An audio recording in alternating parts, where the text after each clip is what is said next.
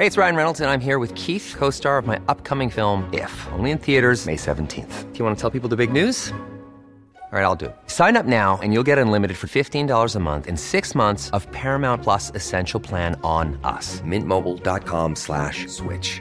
Upfront payment of $45 equivalent to $15 per month. Unlimited over 40 gigabytes per month. Face lower speeds. Videos at 480p. Active Mint customers by 531.24 get six months of Paramount Plus Essential Plan. Auto renews after six months. Offer ends May 31st, 2024. Separate Paramount Plus registration required. Terms and conditions apply if rated PG.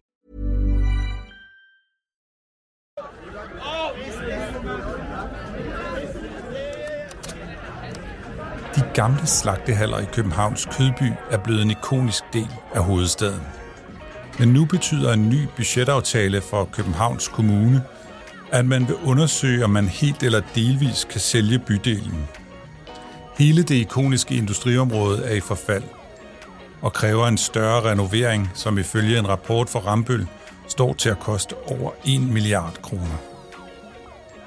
Det har skabt røre, for hvad skal der så blive af det kulturelle samlingssted på Vesterbro i København?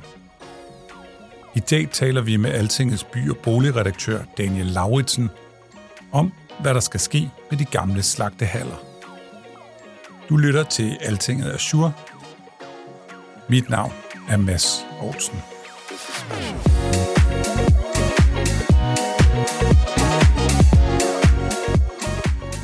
Kødbyen er et stort, gammelt industriområde på det indre Vesterbro, lige ved siden af Københavns Hovedbanegård. Øh, det gamle slagtehaller, stadigvæk øh, indrettet til slagteri indvendigt mange steder, der er stadigvæk klinker og den slags. Men formålet, eller det de rent faktisk bliver brugt til, har, har ændret sig fuldstændig, øh, efter at, at slagteriet øh, ophørte i, i 90'erne. Øh, så i dag der er der, der er natklubber, der er mange restauranter, der er øh, øh, små butikker. Øh, det er sådan et sted, hvor man kan se københavnerne virkelig sidde og blomstre, når solen skinner, så sidder de og drikker naturvin og spiser pizzaer i solen. Øhm, og, og sådan, det, det, det er sådan et kreativt, hyggeligt øh, område i København. Og hvordan ser det ud, er det, øh, hvis du skulle beskrive bygningerne og så videre, det er nogle gamle øh, slagtehaller øh, i virkeligheden, hvor der er blevet slagtet alt fra svin til køer og fisk igennem århundreder i virkeligheden. Men øh, i øh, tilbage i 2005, efter at, at det her slagteri ligesom var ophørt øh, op igennem 90'erne, så besluttede øh, den daværende borgerrepræsentation i, i København, at, at Kødbyen skulle være sådan et øh, kulturelt øh, samlingssted, som lavede en, øh, en strategi for det her øh, nedlagte industriområde, øh, som handlede om at, at gøre det sådan mere, mere kulturelt. Og nu, øh, nu, er der, nu er der natklubber og restauranter og øh, butiksliv, øh, socialøkonomiske virksomheder og, og alt muligt andet. Nu vil et flertal i forbindelse med Københavns Kommunes budget så undersøge, om bygningerne i Kødbyen kan sælges fra til private. Kan du ikke prøve at forklare, hvordan det hænger sammen? Jo, det kan jeg godt. Øhm, I forbindelse med Københavns Kommunes budget for næste år har øh, partierne, øh, det vil sige alle partier i, i Københavns politik, bortset fra Enhedslisten og Alternativet, besluttet sig for, at de vil åbne for, at man enten sælger Kødbyens lokaler øh, til private, eller etablerer en fond, altså får noget ekstern finansiering ind på en anden måde, men, men bibeholder en eller anden form for kommunalt ejerskab på, på området, øh, fordi at der er en enorm renoveringsudfordring i Kødbyen. Sidste år der kom Rambøl med en rapport, øh, som pegede på, at der manglede at blive investeret 1,1 milliarder kroner i Kødbyen. Altså et øh, enormt renoveringsefterslæb. Der er blevet beskrevet, hvordan der er, er muk og skimmelsvamp i, i lokalerne, som folk står og, og arbejder i. Der er gamle vinduer, der er alt muligt andet, som skal skiftes ud, som man ikke løbende har prioriteret øh, og, og få gjort. Øh, og det er sådan en, en, en ret stor opgave. Øh, og år for år har man ligesom udskudt den. Øh, det gjorde man også sidste år, øh, og det er lidt af en hovedpine for politikerne, fordi øh, selvom de nok har pengene, altså København er en ret rig kommune, så, øh, så slår de hovedet op i, i anlægsloftet. Og det vil sige, at hvis man prioriterer at skulle renovere kødbyen, så må man nedprioritere og lave et daginstitutioner, eller skoler, eller svømmehaller, eller renovere nogle andre af kommunens bygninger. Over en milliard kroner, det lyder jo ekstremt dyrt. Hvorfor er det så dyrt at renovere bygningerne?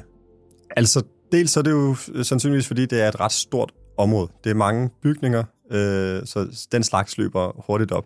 Men det er jo også en opgave, øh, som man har udskudt øh, år for år. Det vil sige, at renoveringsefterslæbet har bygget sig op og bliver større og større.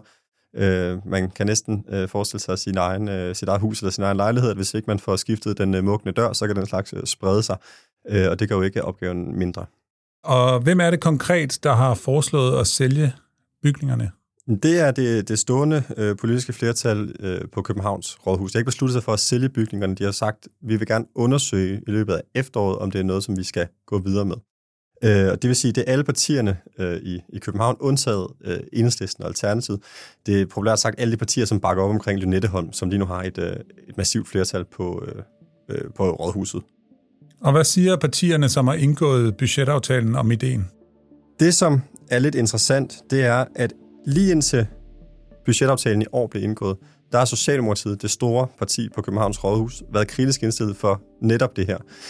Sidste år, der øh, skrev den konservative øh, børne- og ungdomsminister Jakob Nessager et øh, debatnæk her i Altinget, hvor han foreslog, at øh, den her hovedpine, altså at man mangler øh, anlægsmillioner til Kødbyen, den kunne løses, hvis man netop solgte til, til private. Og det var en idé, som øh, Sofie Hestorp Andersen, den socialdemokratiske overborgmester i København, bankede i jorden. Altså hun sagde, at det var det samme som at sælge sin sjæl, øh, hvis man sælger Kødbyen. Så det vil hun under ingen omstændigheder være med til. Øh, men nu har øh, pipen så fået en lidt anden lyd, må man sige. Og hvad er det, hun siger nu? Nu siger hun, at nu vil hun gerne være med til at undersøge, om man skal enten sælge kødbyen til nogle private, som kan købe bygningerne og drive forretning derfra, eller øh, stifte en, øh, en form for fond, øh, hvor, hvor København er medejer, men hvor der også kommer noget privat finansiering ind udefra.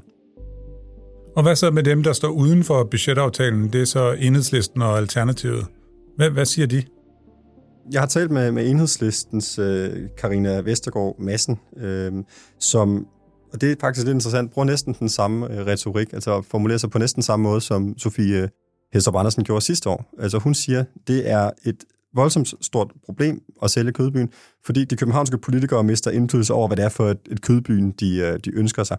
Altså i dag, hvor man har øh, mulighed for at fastsætte lofter over, hvad skal man lege øh, lokalerne ud til, man kan sige, hvad er det for øh, aktiviteter, vi ønsker os, der skal være i kødbyen.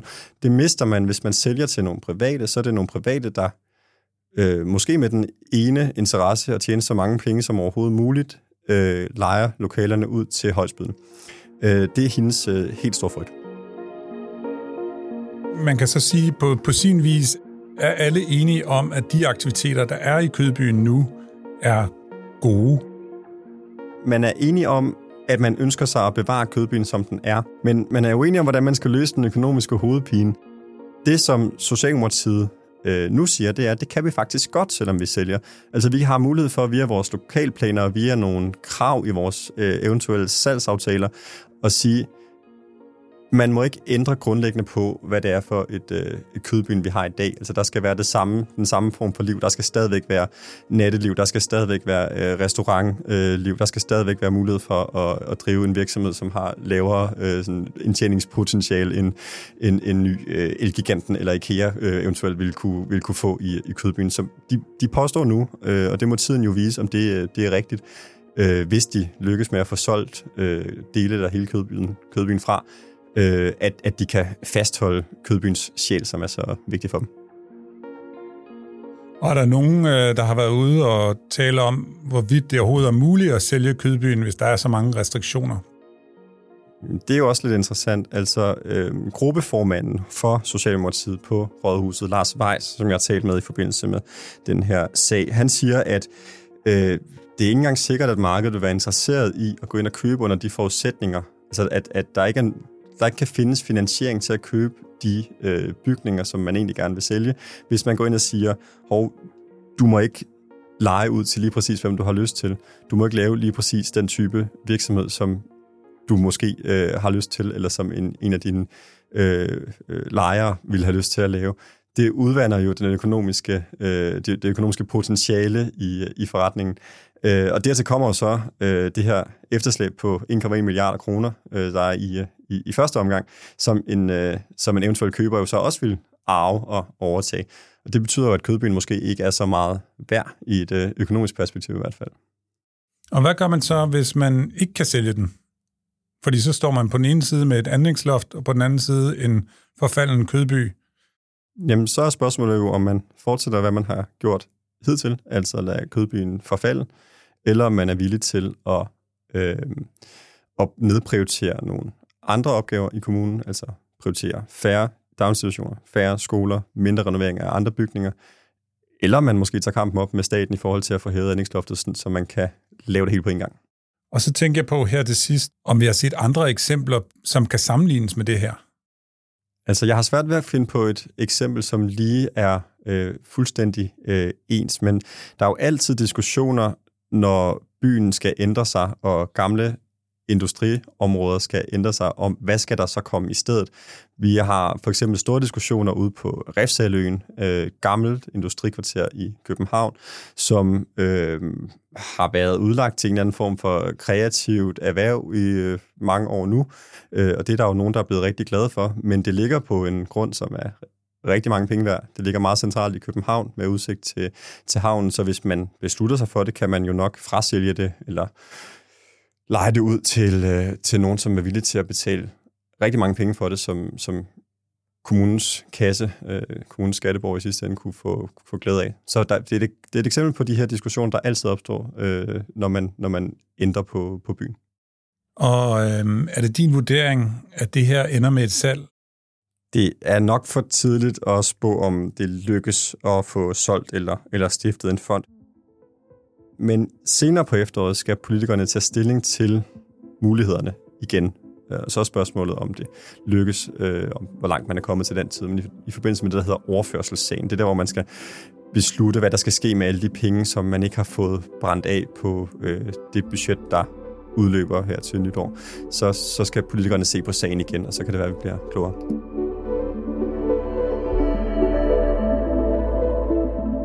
Hvis du er interesseret i debatten om byudvikling og hvad der skal bestå eller forgå, så kan jeg anbefale at lytte til vores interview med Carsten Lauritsen, som er branchedirektør i Dansk Industri. Han var gæst i Azure-studiet her for en uges tid siden, hvor han talte om bevarelsen af Danmarks erhvervshavne, som nogle steder er truet af opførelsen af nye boligområder. Dagens afsnit blev lavet af Clara Vestergaard Lausen og af mig. Jeg hedder Mads Olsen.